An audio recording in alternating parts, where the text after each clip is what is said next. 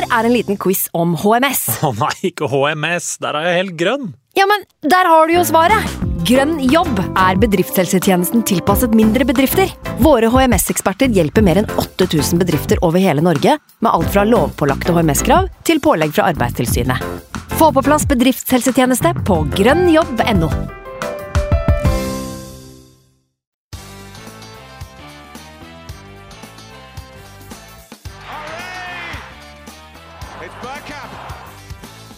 for grabs now!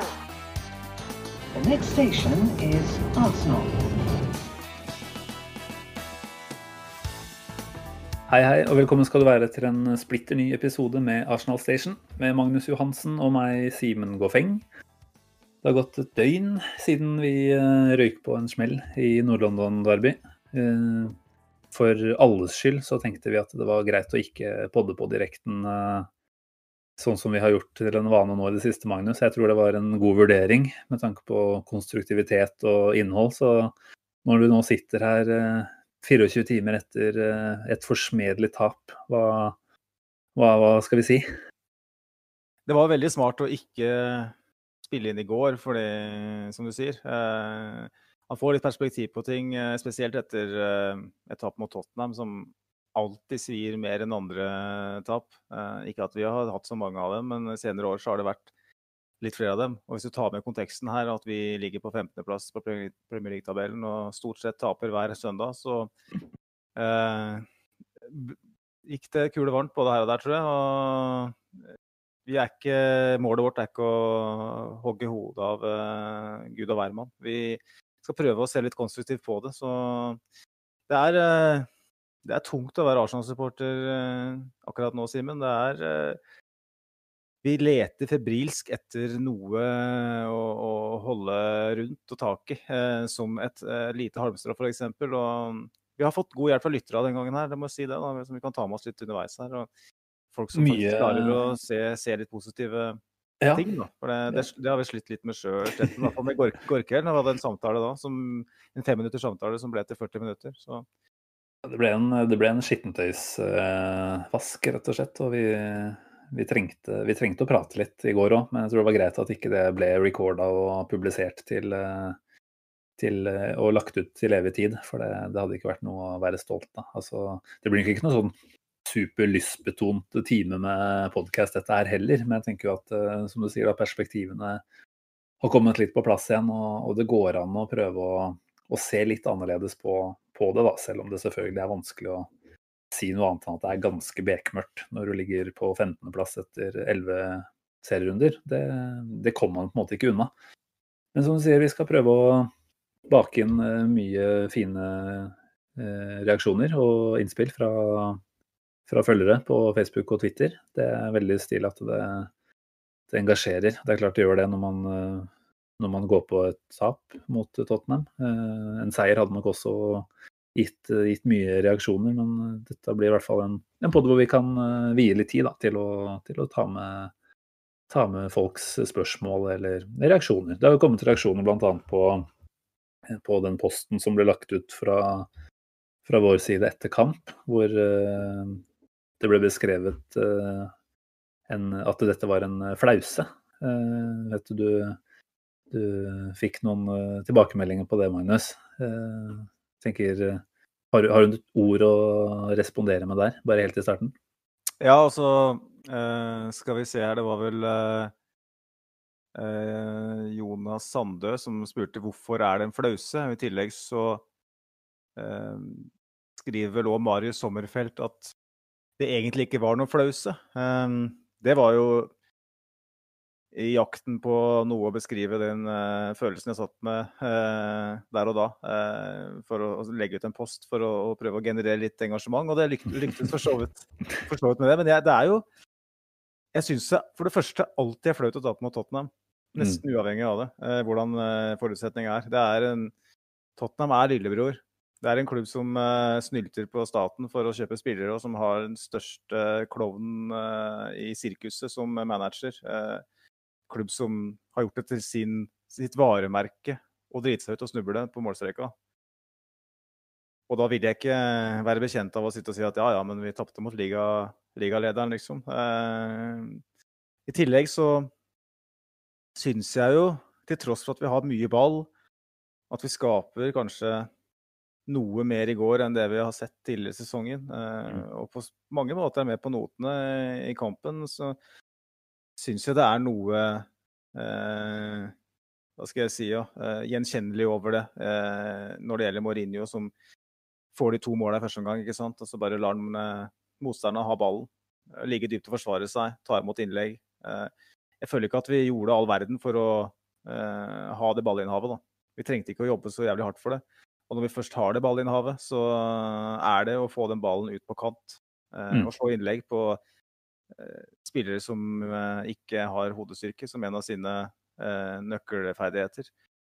Eh, og da blir det litt sånn 44 innlegg. Eh, de aller fleste av dem uten retning, uten rytme. Altså håpefulle skudd i blinde, nærmest, føler jeg, da, mange av dem. Mm. Eh, så Nei, føler jeg, jeg- og, jeg føler det blir feil å sitte og tenke at ja, men det var, ja, det var et godt forsøk osv. Jeg syns det her da, Jeg syns lista ligger litt for lavt, da, hvis vi tenker sånn. Nei, jeg forstår hva du mener. Jeg tenker jo at jeg har en sympati med det å måtte ja, godkjenne kampen som sådan. Altså vi, vi har eh, høyest XG, uten at man skal bli altfor blind på det. Alle, de aller fleste tallene da, er, er i vår favør, og vi opplever jo at vi har, eh, vi har en viss, eh, viss mengde trykk, selv om det ikke oppleves så veldig farlig, kanskje. Men det er som du sier, og jeg tenker at dette var jo akkurat det Mourinho ønska. Så, så jeg syns jo ikke vi Altså med tanke på at stillingen ganske tidlig er 1-0, og etter hvert 2-0 i en hel omgang, da, så vil jeg jo ikke si at vi på en måte er i nærheten av å prestere eh, tilstrekkelig for å, for å på en måte komme en respons. Da. Eh, og da, da holder jo rett og slett ikke. Og det, det å skape så lite eh, når du egentlig skal være desperat etter, etter mål mot et lag som Tottenham, det, det, det er jo litt flaut, jeg må jo si det. Og vi har enkeltspillere på banen som i utgangspunktet skulle kunne klart eh, bedre, da. Altså, jeg, jeg tror vel de aller fleste av de spillerne her, hvis de ser seg selv i speilet og er ærlig, ville brukt ordet flaut om det de, de har levert. For det, det holdt jo rett og slett ikke. Nei, og alle visste jo òg at uh, Tottenham har én eneste ting de er jævlig gode på. Og det er uh, å sette opp uh, Son og Kane i overganger. Hmm. Begge måla kommer jo fra det, og, og i begge tilfeller så, så gjør Arsenal for lite for å stoppe det. og er litt for lite observante på det, selv om the writing is on the wall, eh, og så, så til de grader. og får litt sympati for Teta, da, for at han har jo blitt pressa hardt på det at hvorfor er du så defensiv og forsiktig? Eh, og så går han inn i en kamp mot Tottenham og kjører en litt mer offensiv linje enn han gjorde mot eh, United og han gjorde mot, i de kampene eh, mot City og Liverpool tidligere og sånn. Um, men det her var ikke kampen å gjøre det i, da. Tydeligvis ikke. Nei da, det, det er jo lett å si. Jeg, jeg må jo si at jeg er tilbøyelig til å være enig med Arteta så lenge Thomas Partey starter. Jeg tenker at hadde han ikke vært klar, så ville jeg tenkt at en midtbaneduo bestående av Sjaka eller Ceballos eller en av de tre, to av de tre, ikke hadde vært, uh, vært tilstrekkelig med en backfirer bak. da. I hvert fall så lenge de bekkene våre ønsker eh, å være såpass offensive som det er. Men med en Thomas Partey fra start, så tenker jeg at eh, jeg, var på en måte jeg var fornøyd. da. Jeg hadde en tanke om at 3-4-3 ville være naturlig, fordi det er det vi har gjort i de fleste av disse store kampene.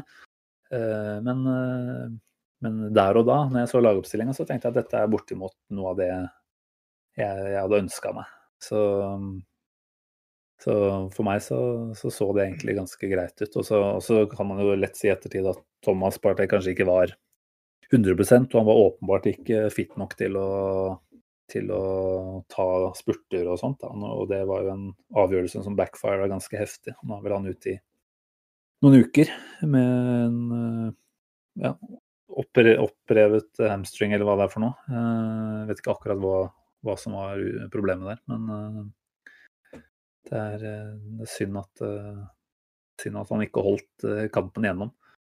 Så kan du selvfølgelig si at eh, målet kom også med han på banen. Eh, men, eh, men jeg tenker at han, han nok en gang var viktig, da, og Chaka ble jo Det ble jo bare enda tydeligere når Partey skulle ut og Ceballos eh, kom på at det går altfor mye sidelengs eh, mellom de to på midten der, selv om Chaka hadde et par Nei, unnskyld, Sebajos hadde et par offensive forsøk, i hvert fall. Så, så er, er den midtbanen vår rett og slett fortsatt ikke i nærheten av å være en trussel eh, gjennom midten. Da. Og, det, og det er jo et kjempeproblem. Som vi Ja. sikkert kommer litt mer tilbake på. Men uh, vi trenger ikke å snakke altfor mye om kampen. Jeg vet ikke om det er liksom de store linjene. Det var uh, at vi, som du sa i stad, spilte ut på kant uh, i stor grad. Hadde vel jeg har hørt 44 innlegg, er vel det jeg har lest et sted. Eh, Eller forsøk på innlegg i løpet av eh, kampen. Både fra åpent spill og dødballer. Det er ganske ekstreme tall, og du vet at vi da har Lacassette og Aubameyang, som ikke er noe utpreget hodespillere, eh, mot eh, Toby Alderweireld og Eric Dyer, som vinner ja, åtte-ni av ti av de duellene her. Da, Mm. Det er mye å undres over, da. Eh, så Ja. Eh, vi fikk jo noen lyttereaksjoner på, på nettopp det. Ola, Ola Sandbekk eh, skriver vi slår ca. 30 innlegg, og da var det faktisk eh, sikkert det han sendte rett etter kampen, så var det 44. Det sier jo litt om eh, hvor ekstremt det var. Eh, og mesteparten av det som foregår fremover, skjer via dette. Da har vi feil spillere der fremme, vinner nesten ikke en hodeduell. Og det som Philip Walter også skriver. Han er, skriver på engelsk til oss. Han uh, spør uh, any idea what the crosses were for. No one in the team has heading in crosses as one of their main skill, so it seems a tad pointless. Eh, og det er det jeg sitter igjen med òg, da. Hva, hva er egentlig tanken Mm. å slå alle de innleggene eh, i lufta, i luftrommet til en Aubameyang eller Lacassette? Ingen av dem er spesielt gode hodespillere. Eh, Jeg så en statistikk på at Aubameyang, av Aubameyang sine rundt 80 skåringer fra Arsenal, så er tre av dem på hodet. Um, han har aldri vært en, en utpreget hodespiller. Lacassette syns jeg er en direkte svak hodespiller. Uh, fordi at han, han er faktisk Han har- er ganske robust som type. Han uh, kommer gjerne foran opppasseren sin i en luftduell, men veldig ofte så sklir han av. Eller, også, han, han, han mangler den ferdigheten. da. Mm. Mulig det handler om selvtillit, men det er sånn jeg observerte den det siste. i hvert fall. Så jeg forstår ikke hvorfor vi skal ut på kant. Vi blir til dels pressa ut på kanten fordi at alle ser at vi klarer ikke å spille oss gjennom midten. Men i går så syns jeg Tottenham sitt defensive arbeid var veldig overvurdert. da. Fordi at veldig mange ganger så får vi ballen eh, relativt upressa rundt 16-meteren. Vi kan vende opp, og vi kan prøve å slå, prøve oss på en kombinasjonsspill. Få brukt Aubameyang i det han er god på. Og de, de, de, de, de tenker ikke på det engang. De virker, eh, det virker jo drilla. Det er bare å få den ballen ut på kant. Få, litt, eh, få en, eh, en form for klikkhak mellom Beirin, Lacassette og William, og så er det å få den der kula inn i, i boksen. Eh, og så taper vi en duell, og så er vi i gang igjen. Og jeg, for, jeg, jeg klarer ikke å forstå det, for Arteta har jo også sagt at eh, hvis vi fortsetter å slå innlegg, og, vi, og kvaliteten på innleggene blir bedre, så kommer vi til å skåre mye mål. Eh, det sa han vel i forrige uke, tror jeg. Mm. Mulig at, mulig at, det her, at sitatet blir litt, uh, litt feil her, men det var i hvert fall i de baner. Og da tenker jeg at hvis planen er å komme seg rundt på kant uh, og slå gode innlegg langs bakken, så OK. Men uh, å drive og banke den i luftrommet, det skjønner jeg ingenting av eh, med de spillemateriellene vi har. Nei, det er jo som mange har påpekt, da, det er jo et eh, det er jo mat for Olivier Giroud, dette her. Så hadde han blitt eh, frigitt av Chelsea på, på sommeren, som det var noe prat rundt, det, det hadde jo ikke vært feil å ha han som en backup-løsning. Men eh, nei, jeg blir, jeg blir litt skremt når jeg hører at Arteta ikke er Han er ikke misfornøyd, da. Han er misfornøyd med totalen, men han er ikke misfornøyd med måten vi spiller oss fram til sjanse på. Han har på en måte argumentert med at bare fortsett å øse inn på den måten der, så, så går det på en måte til slutt på et eller annet vis. da. Men, uh, de sjansene er uh, Altså hver enkelt av de innleggssituasjonene er så små målsjanser. Da. Og da ser, altså, De gangene det er en mann-mann-duell der inne, så vinner jo ikke Aubameyang eller Lacassette noen særlig av de. Og når de da faktisk Altså Aubameyang sin sjanse, da, hvor han får lov til å gå opp uh, upressa og heade over. Uh, selv da er det liksom ikke du, OK, det var, det var i nærheten, men du satt ikke og følte at dette her var livsfarlig, da. Så det er, det er, synd å se at det er det som Det har blitt veldig ensformig, dette her nå. Og veien gjennom midten, den, eh, den så vi noen antydninger til at vi kanskje hadde funnet mot Rapid Wien, som selvfølgelig er et langt, langt dårligere fotballag. Men uh, jeg hadde et, uh, og det vet jeg du òg, hadde et håp da, om at vi kanskje hadde funnet ut av noe da, på treningsfeltet. Det var en helt annen energi mot Rapid Wien. og som vi heller ikke på en måte hadde sett i de andre europaligakampene. Så mm. det er klart. Eh, men, men der var skuldrene kjempelave, da. For det er en turnering vi allerede var kvalifisert i, og det var ikke noe press. Det var bare ut og kos dere, da. Og det er ikke noe å legge skjul på at vi er i en ekstrem motgangsperiode nå, og det, det gjør også noe med eh, innstillingene til, eh, til, de ulike spillerne. Da. Og de er jo absolutt ikke like frigjorte eh, mentalt heller når de går inn i en, eh, en storkamp som det her og egentlig vet at å tape her er det er totalt håpløst på alle måter. Da. Både kampen i seg selv, men også tabellsituasjonen og det litt større bildet. Da, hvor vi nå har en formkurve vel som er Jeg vet ikke engang hvordan den ser ut. Er det én seier på de siste sju kampene eller noe sånt, vel. Så ja.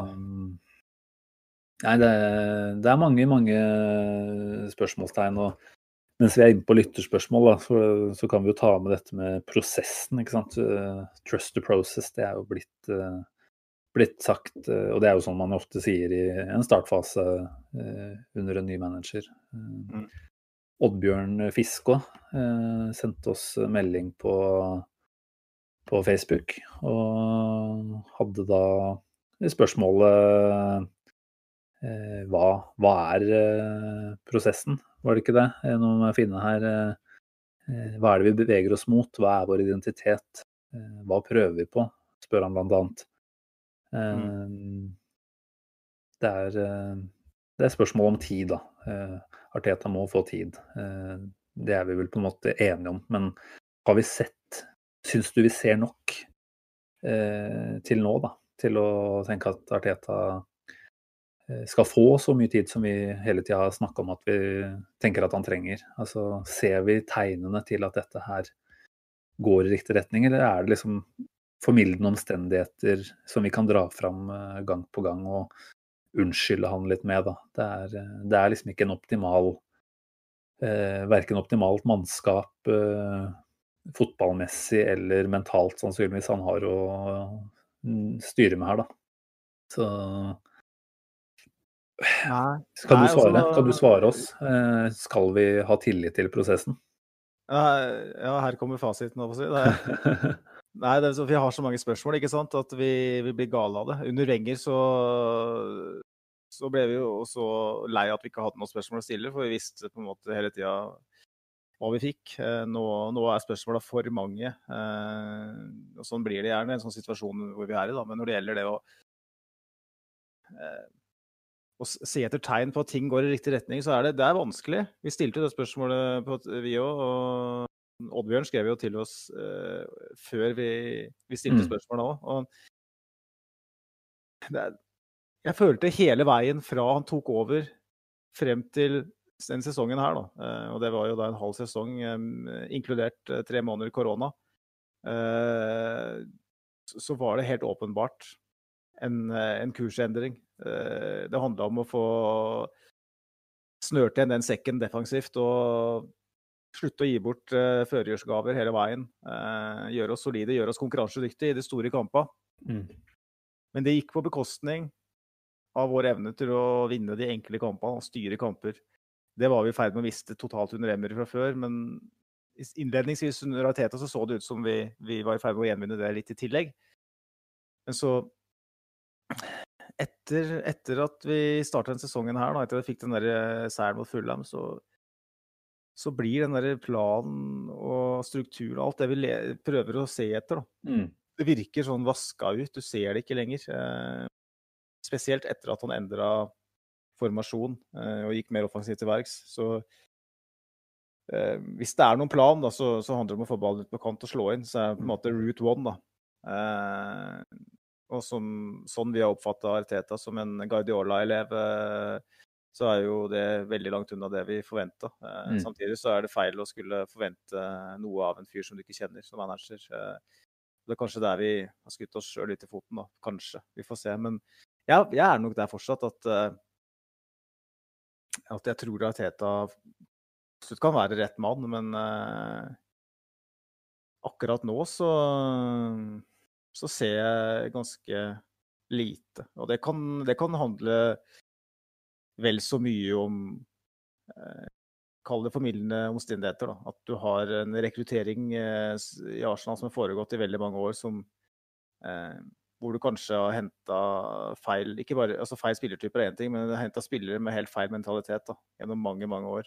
Så du har en spillergruppe som ikke er rusta for en uh, ligasesong i Premier League i det hele tatt. Mm. Eh, det handler om at du har en struktur rundt Arteta som er fraværende nærmest. Du har fjerna hele den strukturen som vi streba etter etter Wenger. Eh, du har en, et eierskap som eh, hele veien er hands off. og stort sett involverer seg kun når alle omgivelser skriker etter det. Um, så det er mange, mange ting å peke på her, og, og kanskje må Arteta få et par sesonger, men før eh, For å nærmest bare få rydda opp i det, i det jævla sirkuset som var skapt her. Mm. Men Premier, fotball, eh, i fotball er tid en knapphetsgode. Da.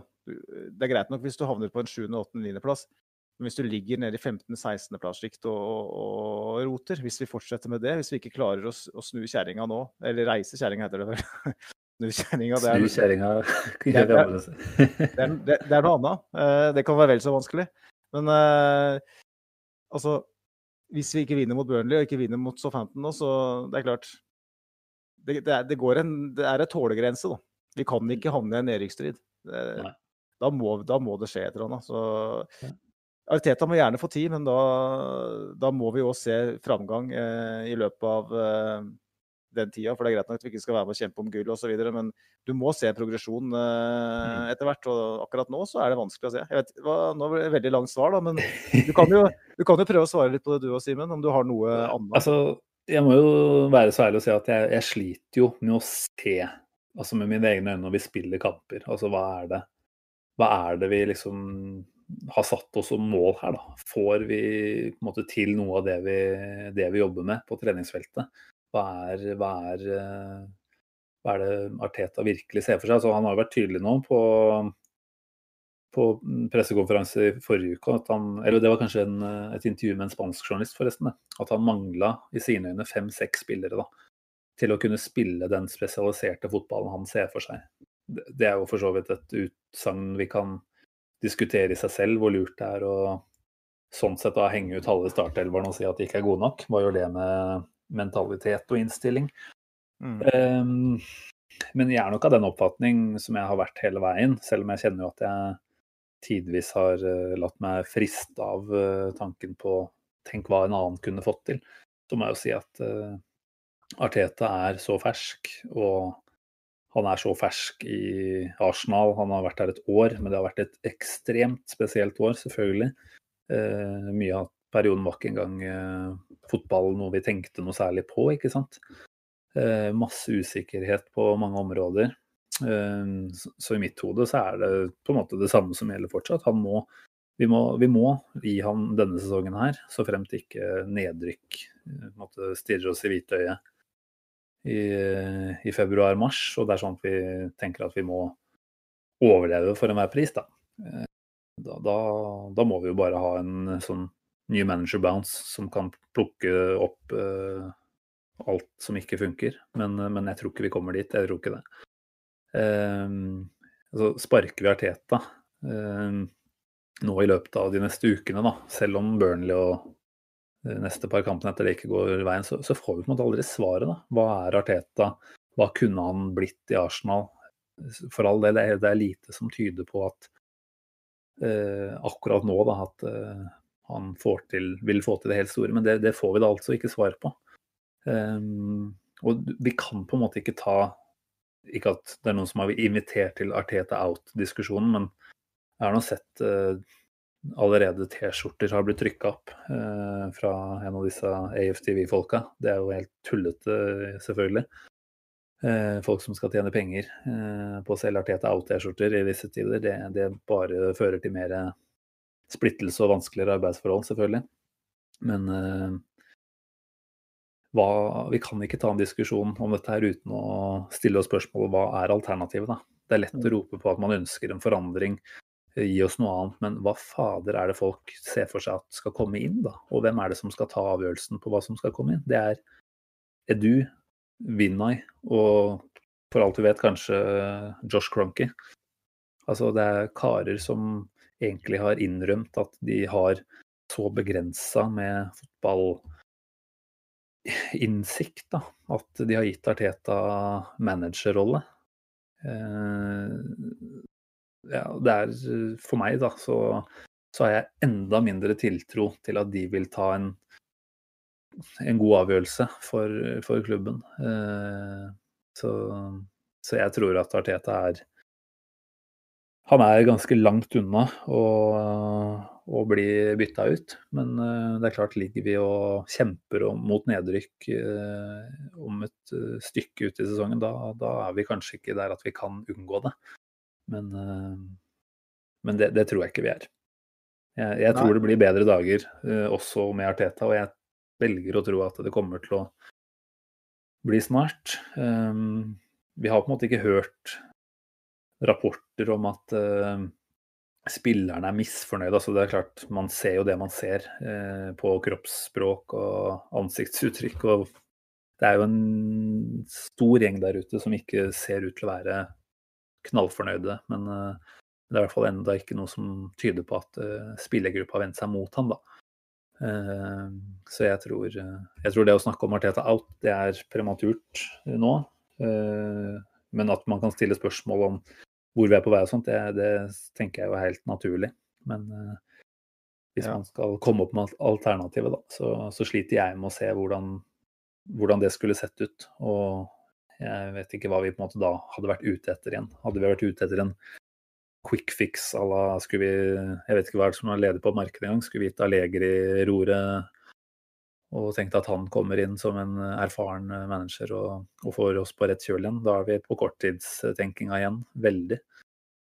Altså, jeg syns du er inne på noe veldig sentralt her når du snakker om den gjengen som skal uh, eventuelt ta den avgjørelsen om å, velge en annen enn Ariteta. Det blir jo litt som i bom, bompengepartiet råderett over statsbudsjettet. på en måte. Det er en gjeng som i mine øyne ikke er kvalifisert til å ta de avgjørelsene. Uh, kanskje litt harsh på Edu, akkurat det. Altså, men jeg, jeg, har ikke, jeg, har ikke, tillit til dem da, i det hele tatt. Så det er en grunn, som du sa, det er en grunn til at Arteta har fått den managerrollen. For det er han som har mest kompetanse eh, i klubben. Eh, og da blir jeg mm, veldig bekymra hvis de begynner å skal rasle med sabla og fjerne den. Eh, jeg tror det er helt feil. Eh, vi må se på alle andre løsninger eh, først. Eh, fordi Arteta lærer på jobb. Og jeg føler at klubben har kanskje gjort en feil eh, og lagt unødvendig mye press på han ved å tenke kortsiktig i, mm. i spillelogistikken. da. Eh, Aubameyang-kontrakta, ja, det er, som vi snakka om før innspilling, så er kanskje Kanskje det er lett å være etterpåklok der, eh, men du har andre, andre eksempler da, som, vil, nei, som William-signeringa, selvfølgelig, som er kremeksempelet. Eh, en Lacassette som de eh, kanskje burde gjort en større, større innsats med å, mm. å, kvitte seg med. Eh, det er spillere i relativt høy alder med store kontrakter som skal prestere her og nå. Vi sender alle signaler ut til Arteta og til opinionen at Arsenal skal kjempe om topp fire nå. Mm. Eh, mens i prinsippet så er kanskje det laget og den stallen her så langt unna å kunne gjøre det at det er veldig urettferdig overfor Teta å stille det kravet. Da er det kanskje best å sprenge hele driten, som du sier. da.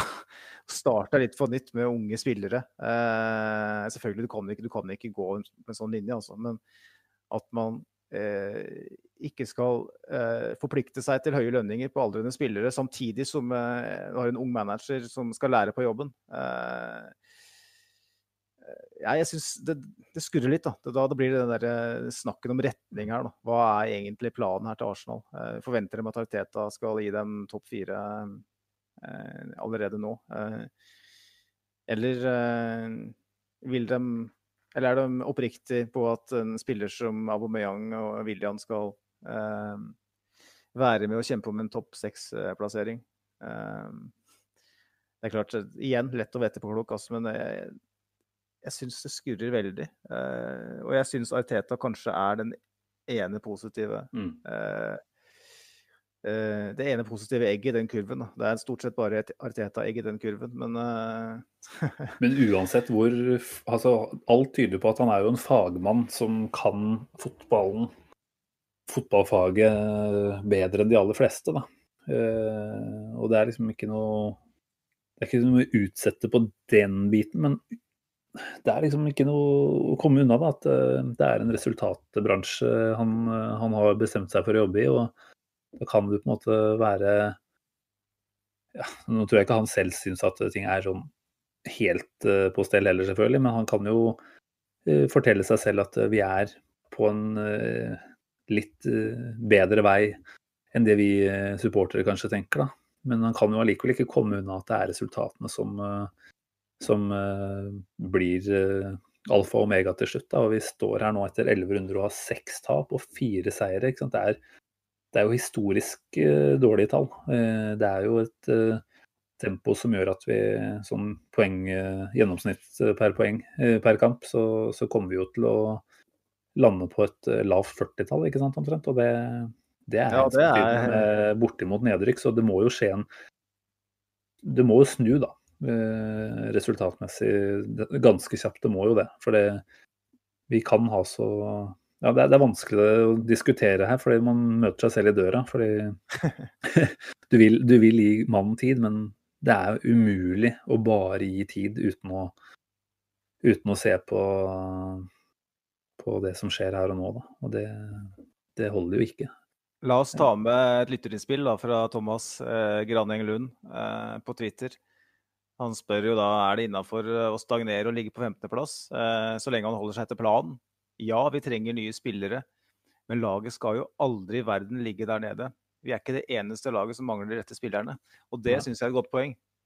Nei. Arsenal er ikke det eneste laget med høl i stallen. Også det er sånn der, ja, men Vi har jo ingen offensiv midtbanespiller som uh, skaper sjanser, så vi, vi, kan jo ikke forvente å vinne en eneste fotballkamp. Det er litt sånn jeg føler det er blitt. da. Mm. Uh, og det, det syns jeg er å, å, lage litt for mye unnskyldninger. da. Mm. Fordi at ja, jeg er helt med på at, uh, at vi ikke kan forvente at Arsenal skal uh, være et ferdig produkt sånn som det er nå, men 15.-plass Vi har Så dårlig er ikke spillere, altså. Så dårlig. Vi har Aubameyang som har vært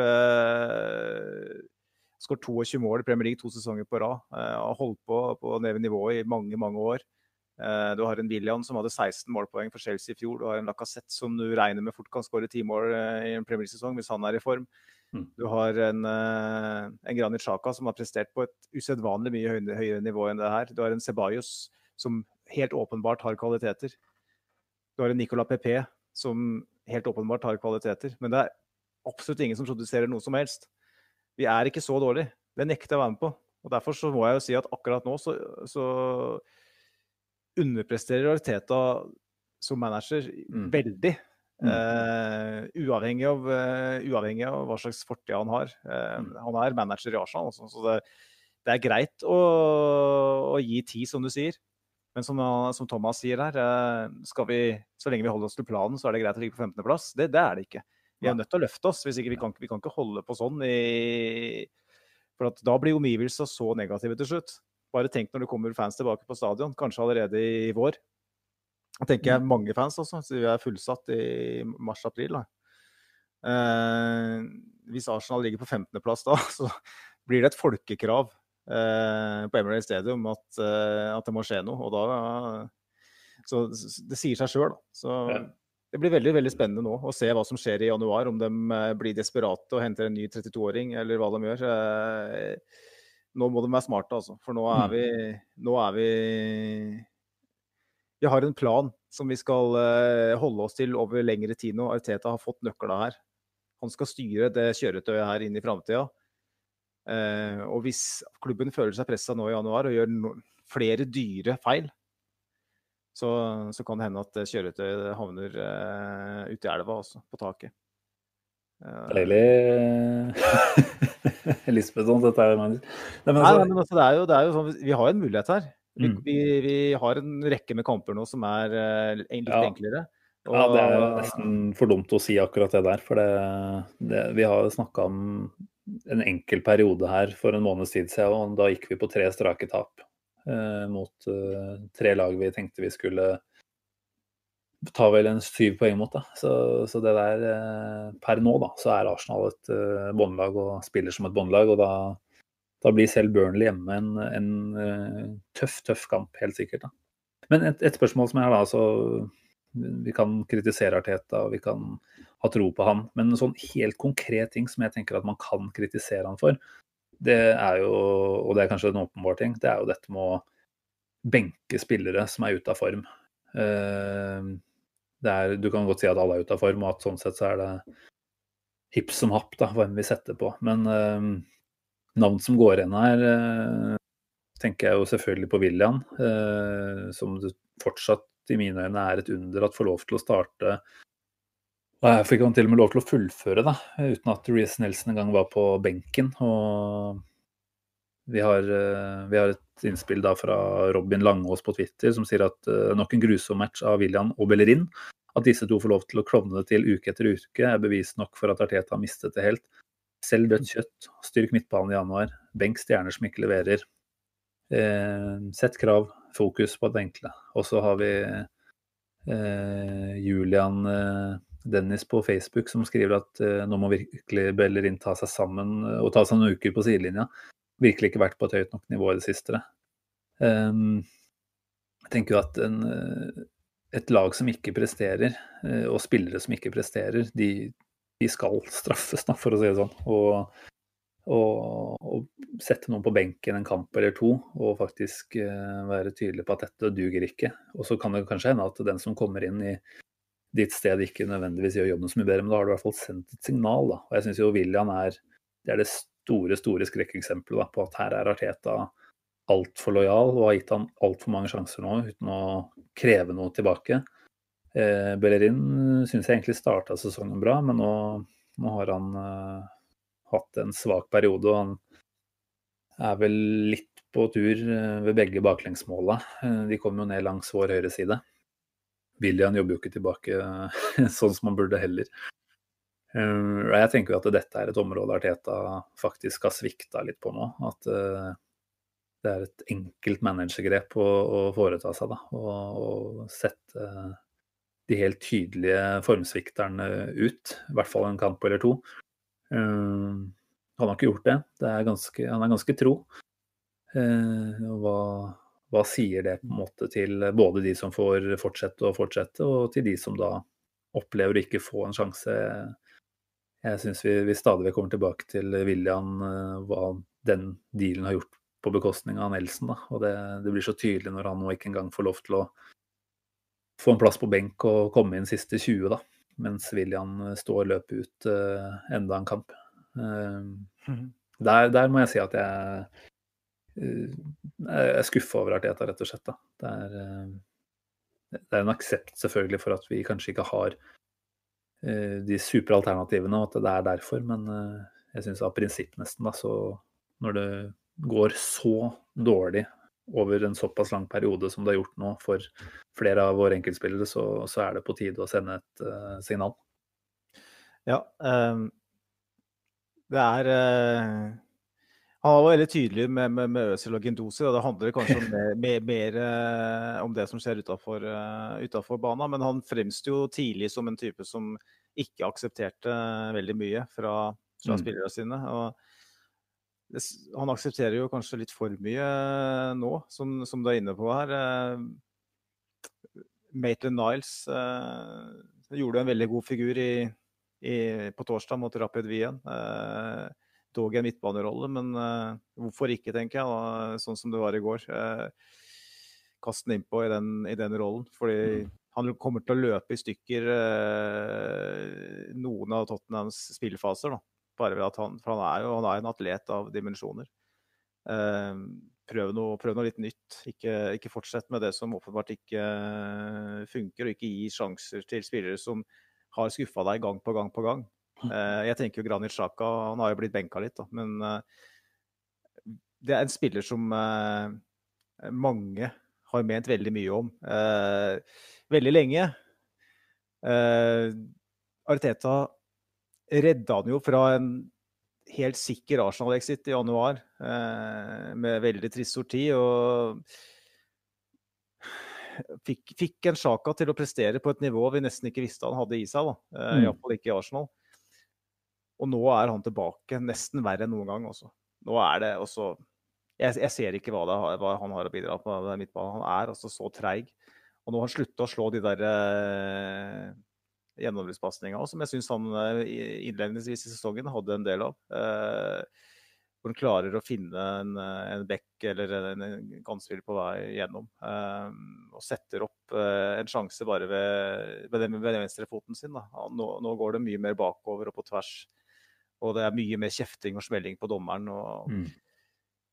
Det, nå, nå, har vi sett at uh, El Neni ble valgt uh, i en hjemmekamp mot Aston Villa. Uh, hvor vi alle snakka om at det er kanskje ikke den, den, typen kamp, en sånn type som han trenger. da har det kanskje vært mer naturlig med, med Sjaka, kanskje, da, men det er en annen sak. Mens, mens han velger da i går, hvor for meg var det ganske åpenbart at Det er mulig at El Neni var sliten etter midtuka, sånn, men for meg så var det helt åpenbart at Sjaka var helt, helt feil mann eh, mm. mot et Tottenham, et overgangssterkt Tottenham. Iallfall hvis du skal stå høyt med laget. Eh, for Sjaka, altså, så på 2-0-målet så står han jo kjempehøyt i banen og sover. To spørsmål rett bak seg.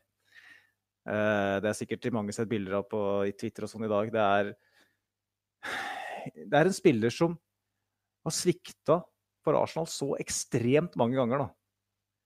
At liksom, hvor mange sjanser skal en spiller få? Eh, det er en sånn spiller jeg, litt, jeg har forsvart Sjaka en del, fordi jeg har følt at han har en del kvaliteter som vi desperat trenger. For at vi har så mangler da, i den delen av spillet. Han er faktisk en av de få som kan være litt kreativ. Eh, dog fra dypet. Litt sånn som med David Louise. OK, han, eh, han kan frustrere deg, men det kommer noen baller der som iallfall gir oss en sjanse. Nå, nå, nå, begynner jeg å bli så ferdig med Sjaka. I går så var han så negativ. Jeg blir, jeg blir gal, altså. Ja. Nei da, han fikk jo bli. Eh, bare sånn lite apropos til det du snakka om litt tidligere, at vi, vi velger jo å ikke benytte oss av de tre byttene vi har. Vi, eller Arteta bytter to ganger.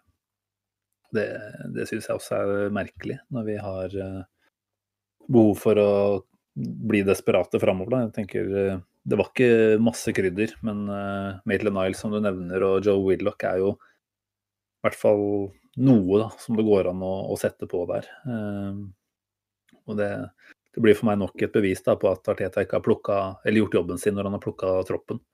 Uh, når han velger å ikke bruke, bruke de mulighetene han har uh, i en så pressa situasjon som han er i.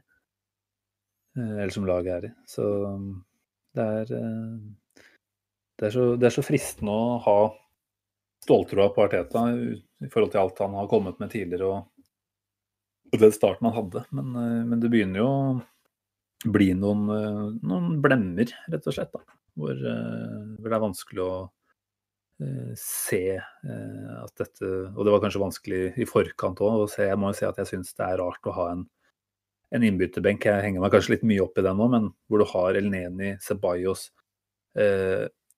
Willoch og Maitland Niles, da, som alle er mulige sentrale midtbanealternativer. Eh, og da ikke ha en eh, kantspiller à la Nelson da, tilgjengelig på benken.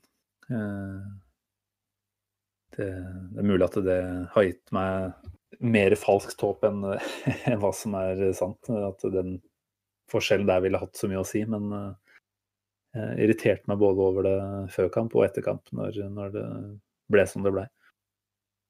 Mm.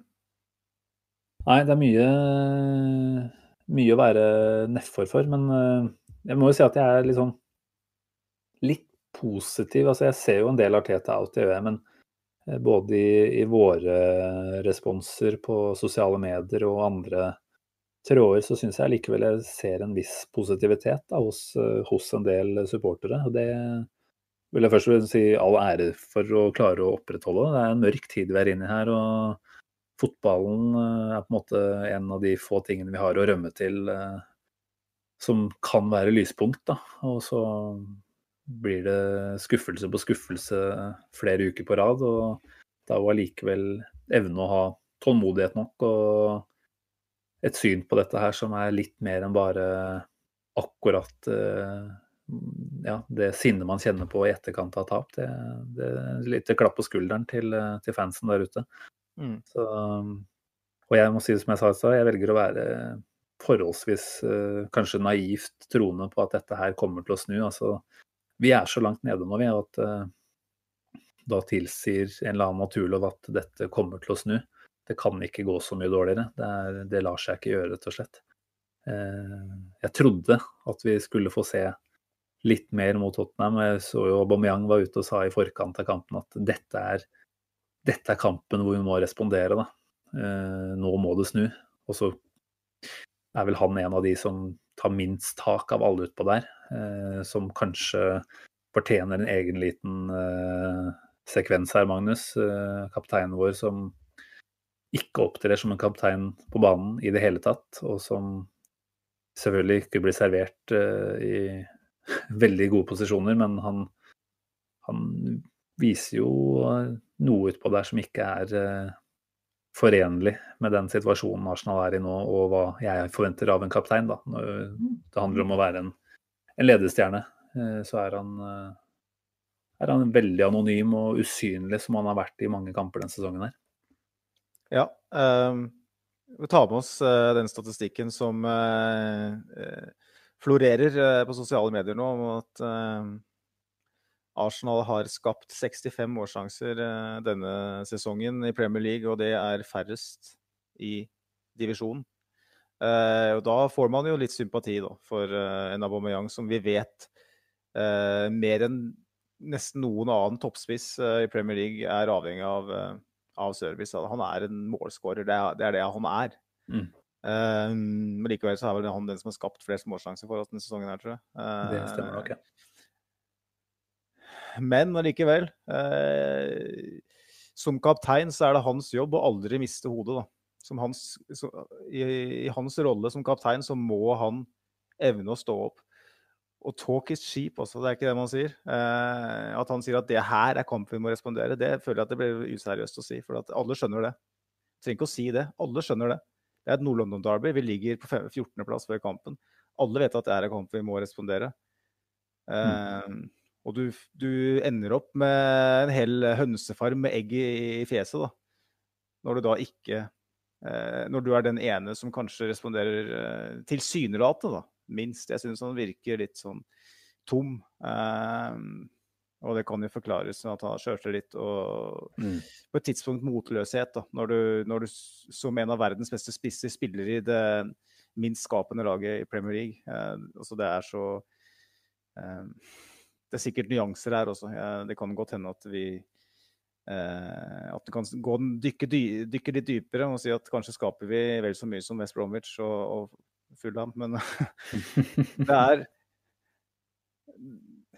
det er, det er, hans jobb eh, nå å stå fram. og Det er igjen det med personligheter da, uh, i det laget her. Uh, kapteinen er kanskje ikke den rette personligheten. Eh, og da er jo igjen Jeg, jeg mener jo at Aubameyang er en spiller som vi, vi bør absolutt eh, ha i, i, Arsenal. fordi uh, hvis, hvis, vi klarer å bygge en, et kollektiv som får det beste ut av han, så kommer han til å prestere. Det har han vist i såpass mange år. Eh, jeg tror ikke at Aubameyang er på hell. jeg tror ikke han har falt utafor stupet ferdighetsmessig. Det er bare det at det har gått en såpass lang periode nå eh, hvor han ikke får noe å jobbe med. Um, at eh, jeg tror han rett og slett har mista litt eh, gnisten. Og,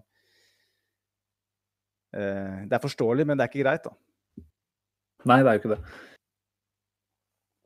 Det er ikke så mye annet å si enn, enn det du har vært igjennom der, tenker jeg. Det, nå er hver kamp på en måte Det er ikke en finale, for det, vi, vi, spiller ikke for overlevelse ennå. Men hver kamp vi nå ikke eh, gir 100 eh, hele veien gjennom, og eh, helst nå også produsere litt mer framover, det det er rett og slett ikke godt nok. og kjenner at den oppoverbakken her, den er stupbratt. Men,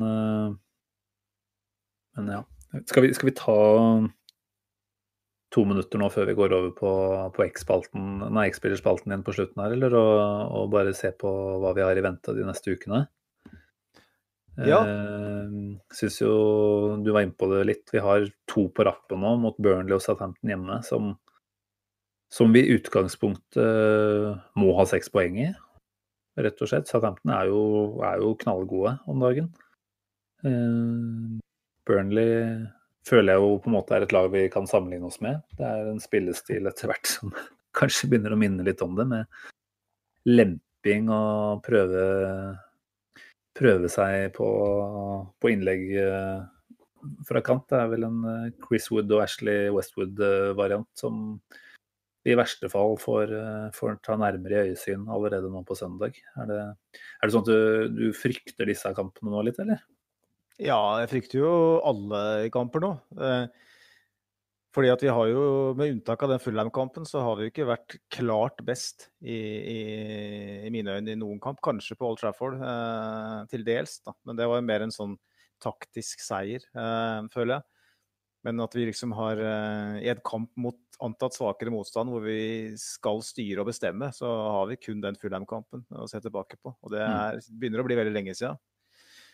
Um, så ja, jeg er kjemperedd for uh, alle kamper, men jeg føler jo at et Burnley hjemme med 2000 på tribunen, første ligakampen med fans siden Westham-kampen i mars, Uh, at det, kan, det så en liten effekt av det kanskje i Europaligaen òg, uh, mm. mot Rapid Wien. Det virka som det var en, en bidragsyter. Så jeg, så jeg, tror kanskje at den lille De, de to prosentene du får fra fansen, da, i tillegg til at Burnley er et lag vi tross alt skal være bedre enn, gjør at vi sannsynligvis får med oss tre poeng der. Og da, er, da må jo Eh, tanken i hvert fall være at vi må ta med oss den good, eh, feel good-faktoren eh, derfra inn i en Southampton-kamp, for det blir en tøff kamp.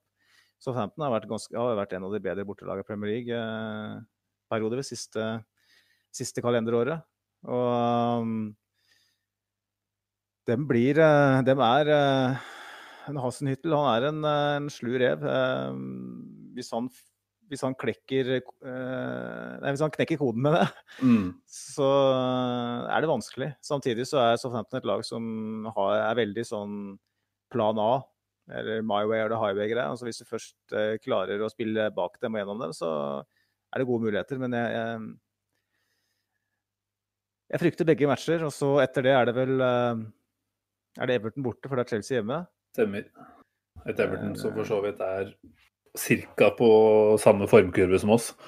Så, så, Men det er jo Hver kamp blir en uh, krig framover nå. Uh, det er jo bare å innstille seg på det at det å være competitive i hver eneste duell omtrent, det er det som må til. Som et uh, første krav, i hvert fall. Det må være grunnlaget for det vi skal gjøre.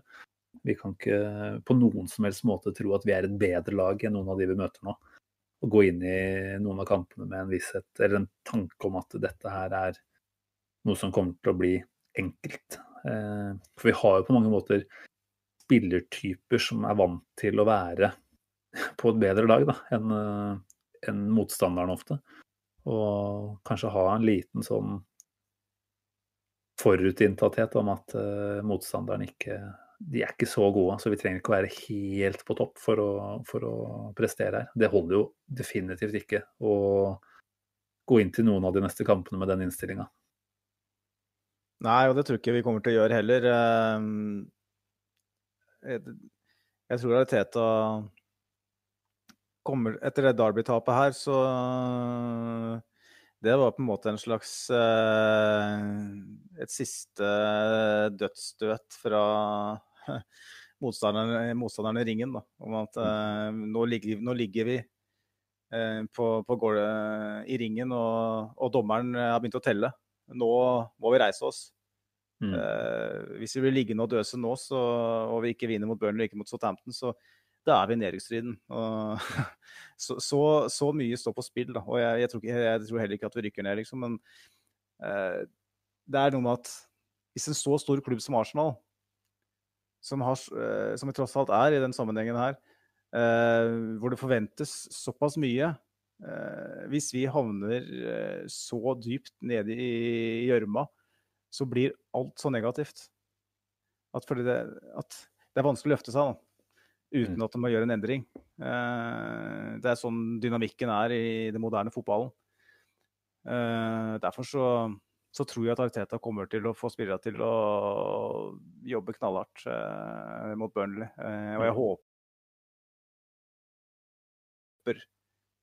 håper at den prestasjonen kan gi inspirasjon. Da, for det, vi har spilt bare 11 kamper, det er fortsatt uh, 27 igjen den sesongen her kan definitivt reddes. og Det spørsmålet stilte vi på Twitter i går, og det var veldig mange veldig enighet om at, uh, om at uh, den sesongen kan reddes, selv om uh, det var vel Stian Børling, som er en fast tro og fast kommentator for oss, svarte at nei, sesongen kan ikke reddes. Fordi at alt utafor topp fire er langt fra godt nok. og det er jo med utgangspunkt i hva vi har gjort på overgangsmarkedet, sånn, så kan, kan jeg være enig i det. Men samtidig så Når vi snakker om å redde sesongen nå, så handler, det om å, at vi faktisk klarer å komme oss opp i en topp. Mm. I hvert fall ikke være så langt unna.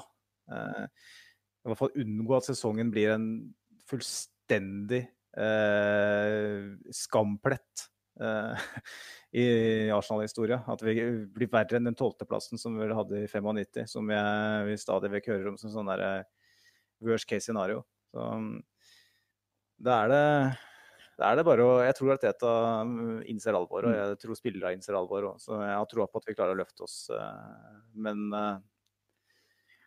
så får vi se hvor lenge det går. For den spillergruppa her er kjent for å løfte seg i perioder, og så falle tilbake til ja. Ja. Det vant, ja, ikke sant? For det, hva, hva er normalen for, et, Men, uh, for laget vårt? da? Og nå har vi jo prestert jevnt på et ganske mediokert nivå over eh, en lengre tid. Over flere år, med størsteparten av den spillerstallen her. Så hva er på en måte deres normal? Hva er det vi egentlig skal kunne forvente? da? Nei, jeg tenker altså Burnley ja, det er på en måte, kan du si, noe av det verste du kan møte i den situasjonen vi er i nå. Eh, det er et vanskelig lag å spille mot. Um, men de er altså på 18.-plass. De har skåra fem mål på ti kamper. Halvparten så mange som oss. Eh, så det skal jo være eh, Det skal jo være et lag vi bør kunne spille ut, da.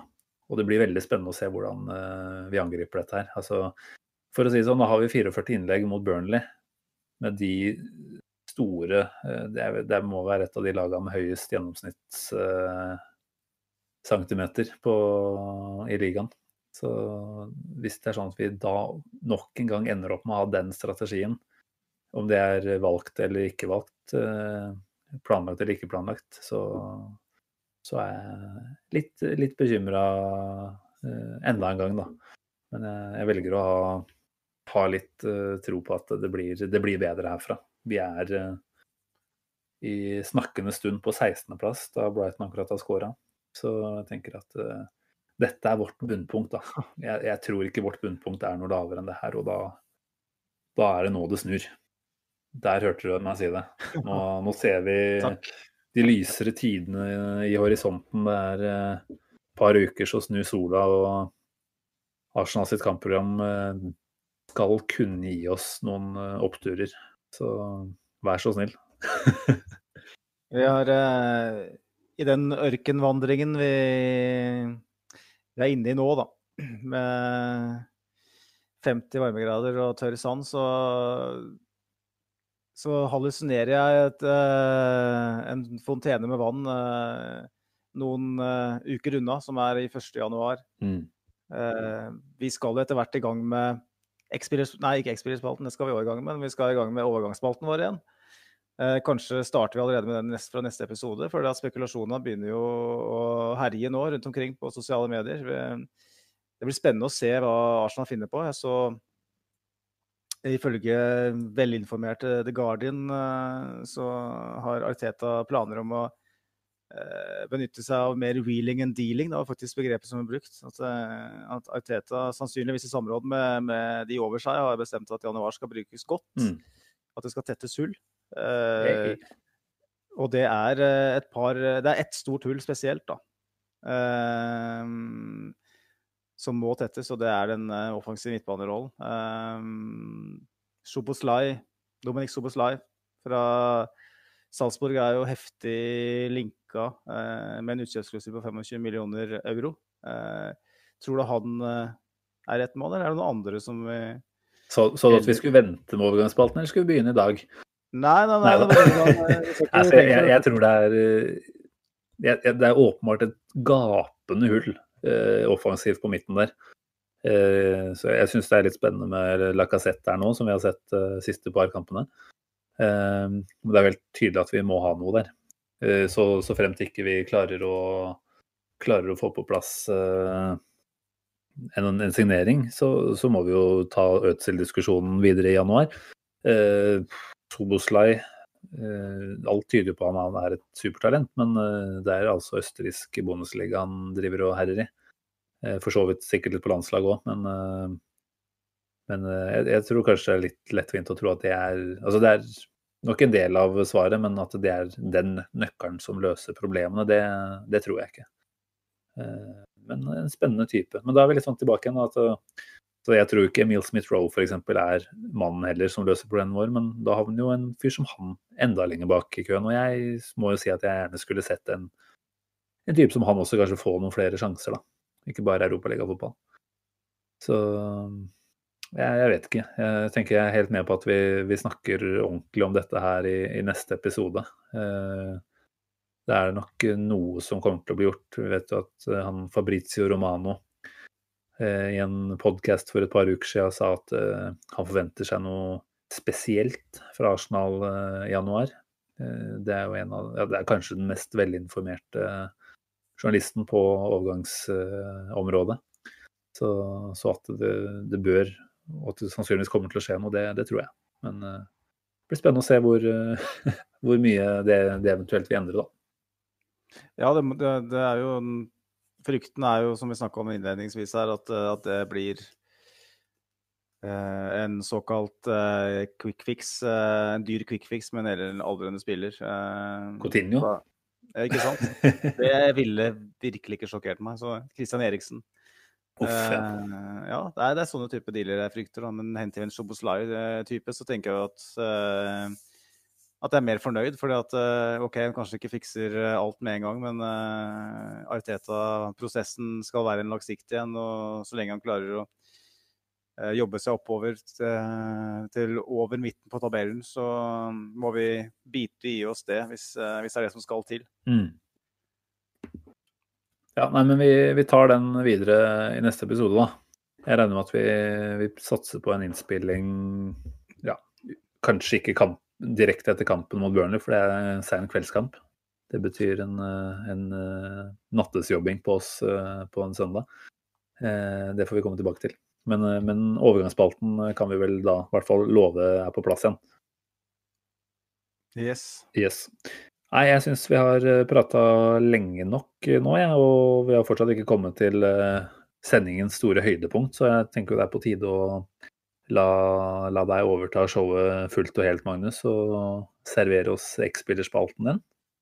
Jo, takk. Jeg får jo drahjelp fra fra Arteta Arsenal om dagen. Da, eh, at liksom X-spillerspalten skal kunne være et høydepunkt, fordi at Arsenal er så råtten dårlig om dagen at uansett hva jeg serverer i X-spillerspalten, så er det på en måte et, et velkomment eh, avbrekk fra.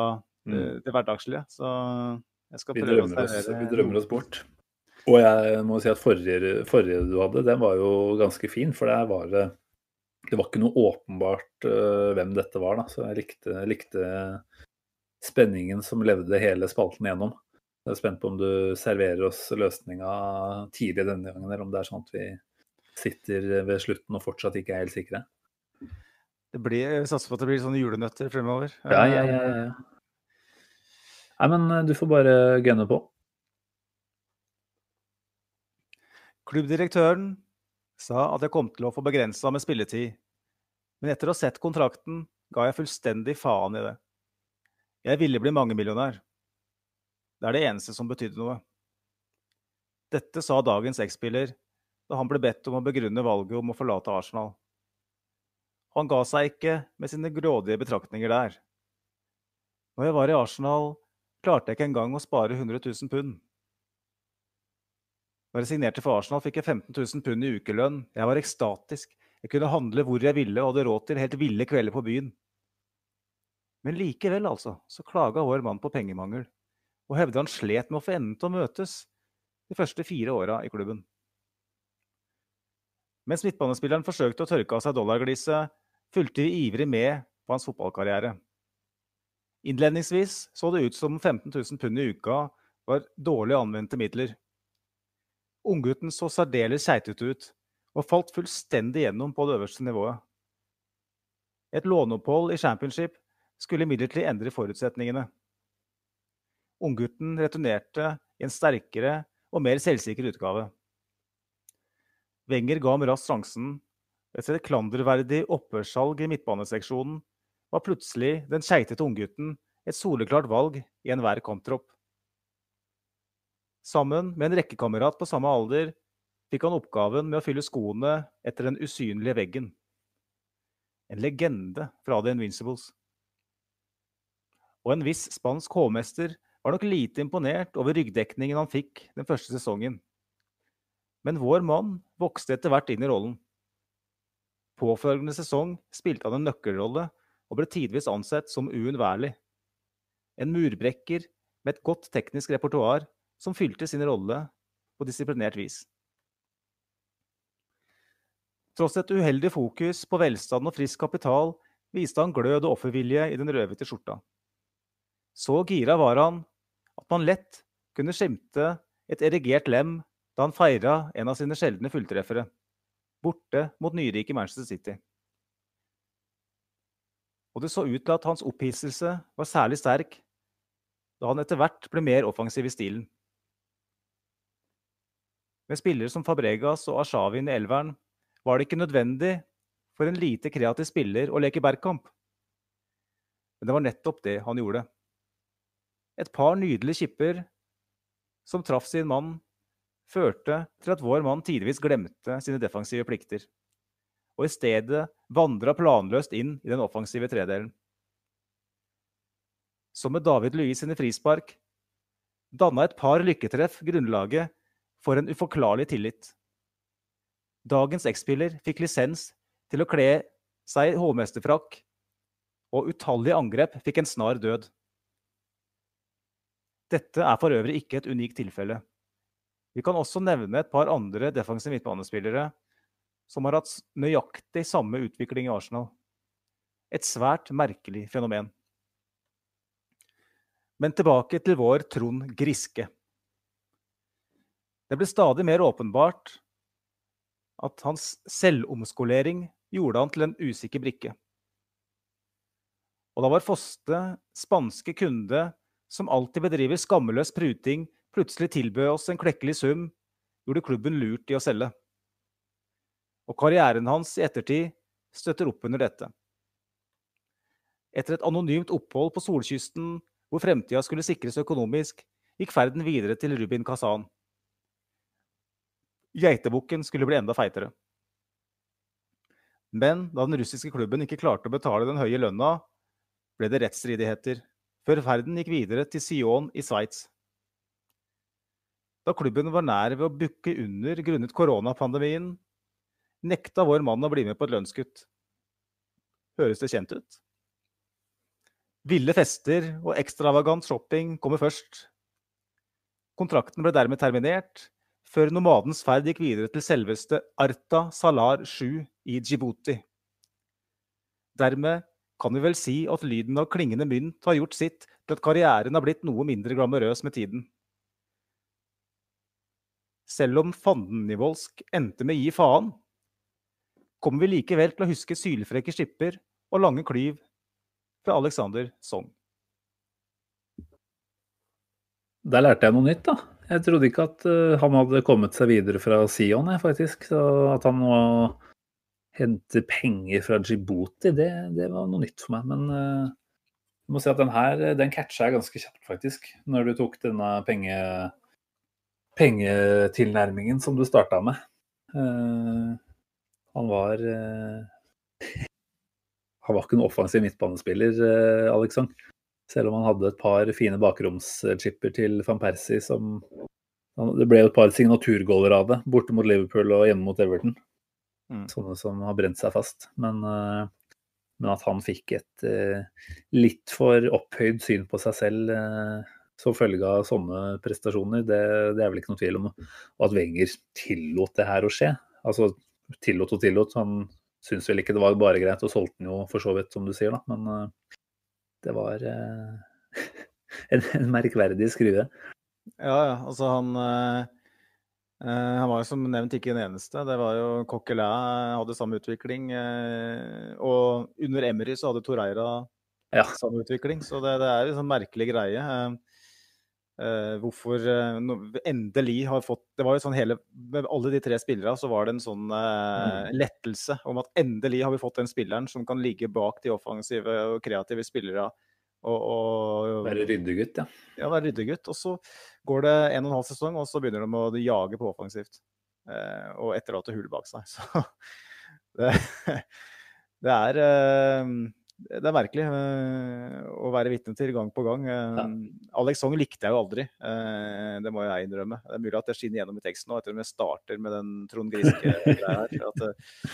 Jeg likte aldri Alex Song. Jeg syns han var Det var noe ved han. Han var litt sånn nonsjalant, og mm. han hadde kanskje 12-14 måneder hvor jeg liksom begynte å virkelig backtrack og tenke at jo, vet du, han har virkelig noe å by på her.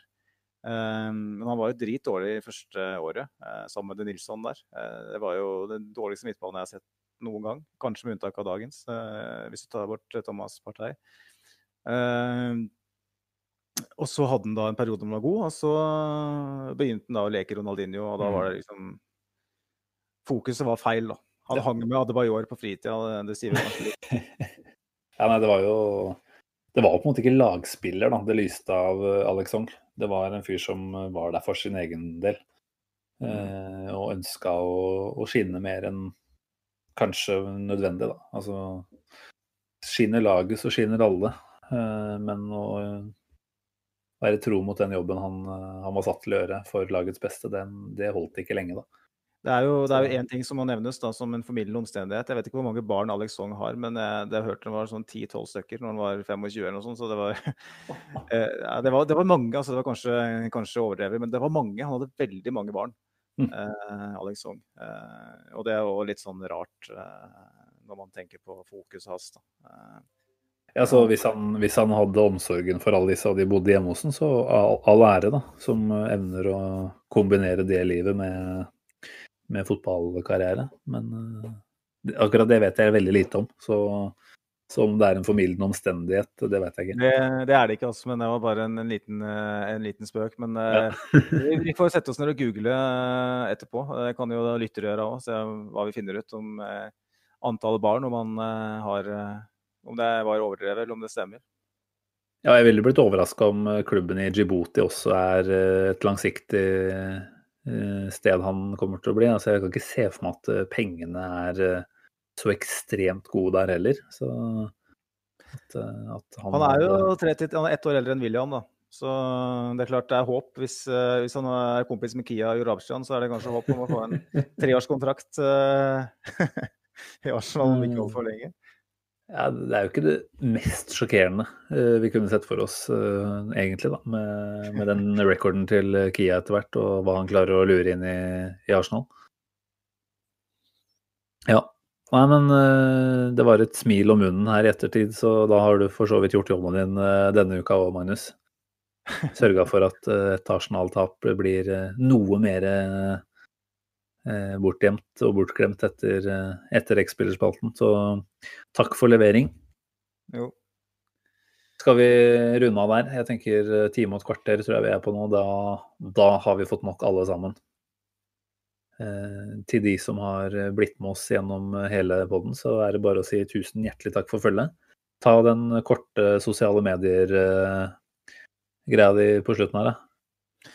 Ja, nå har vi tydeligvis blitt uh, mer kjent, for nå hadde vi så mye reaksjoner at uh, det må jeg si var kjempebra. Men uh, til de som ikke hadde muligheten til å reagere denne gangen, så er vi på Twitter på at podarsenal i ett ord med én D. At podarsenal. På Facebook så kan dere bare søke oss opp på Arsenal Station Podcast. Der ligger vi. Og der venter vi på deres follow og deres like. Det har vært særdeles hyggelig om enda flere var med, på, var med på det toget. Ellers så må vi bare oppfordre folk til å fortsette å, å høre på. Vi satser på å komme med noen gjester etter hvert. Og ikke minst en par podkaster hvor vi slipper å se tilbake på tap. Så mm. Vi, vi, som du sa i statstimen, vi, vi, er på bunn nå. Det må vi tro. Så nå er ene, eneste veien er opp. Det blir lysere tider snart. Jeg velger å avrunde med en sånn positiv uh, spinn. Jeg tenker at det er noe vi trenger alle sammen nå. Tenker disse ukene vi har lagt bak oss eh, nå har vært uh, tunge, men, uh, men, nå er altså Black November ble borte, og starten på desember var jo ikke så veldig mye bedre, men herfra, herfra blir det bedre. Så nei, tusen takk for oppmerksomheten deres i, i et uh, femkvarters tid. Det var, det var en fornøyelse å få prata oss ferdig med denne kampen nå, Magnus. Jeg syns vi vi klarte å komme gjennom uten å klage altfor mye. Jeg håper i hvert fall det var sånn det, sånn det kom fram. Det var ikke meninga å, å tillegge altfor mye ekstra edder og galle til eh, en allerede ganske stor haug med dritt. Så håper at dette har vært en eh, ålreit uh, runde med Arsenal Station. Vi satser på å være tilbake på, på ny etter Burnley-kampen. Da håper vi å kunne nyte tre poeng og mange mål. Og i mellomtida så ønsker vi alle sammen en riktig god uke. Ha det bra. Ha det.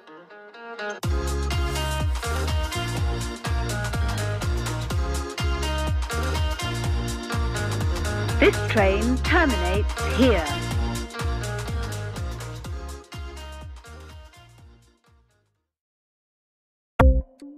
Ukens annonsør er HelloFresh.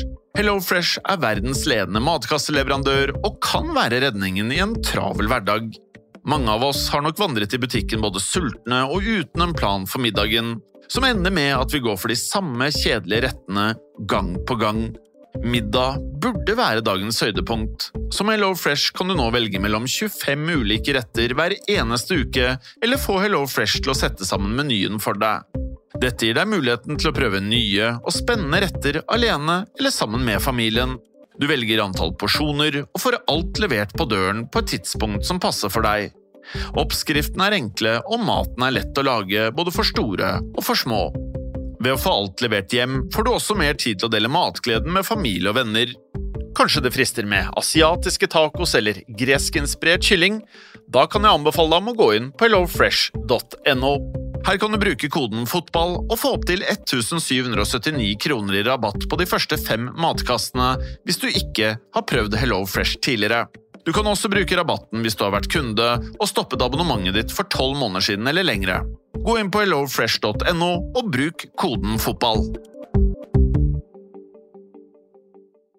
Har du et enkeltpersonforetak eller en liten bedrift? Da er du sikkert lei av å høre meg snakke om hvor enkelt det er med kvitteringer og bilag i fiken, så vi eh, gir oss her, vi.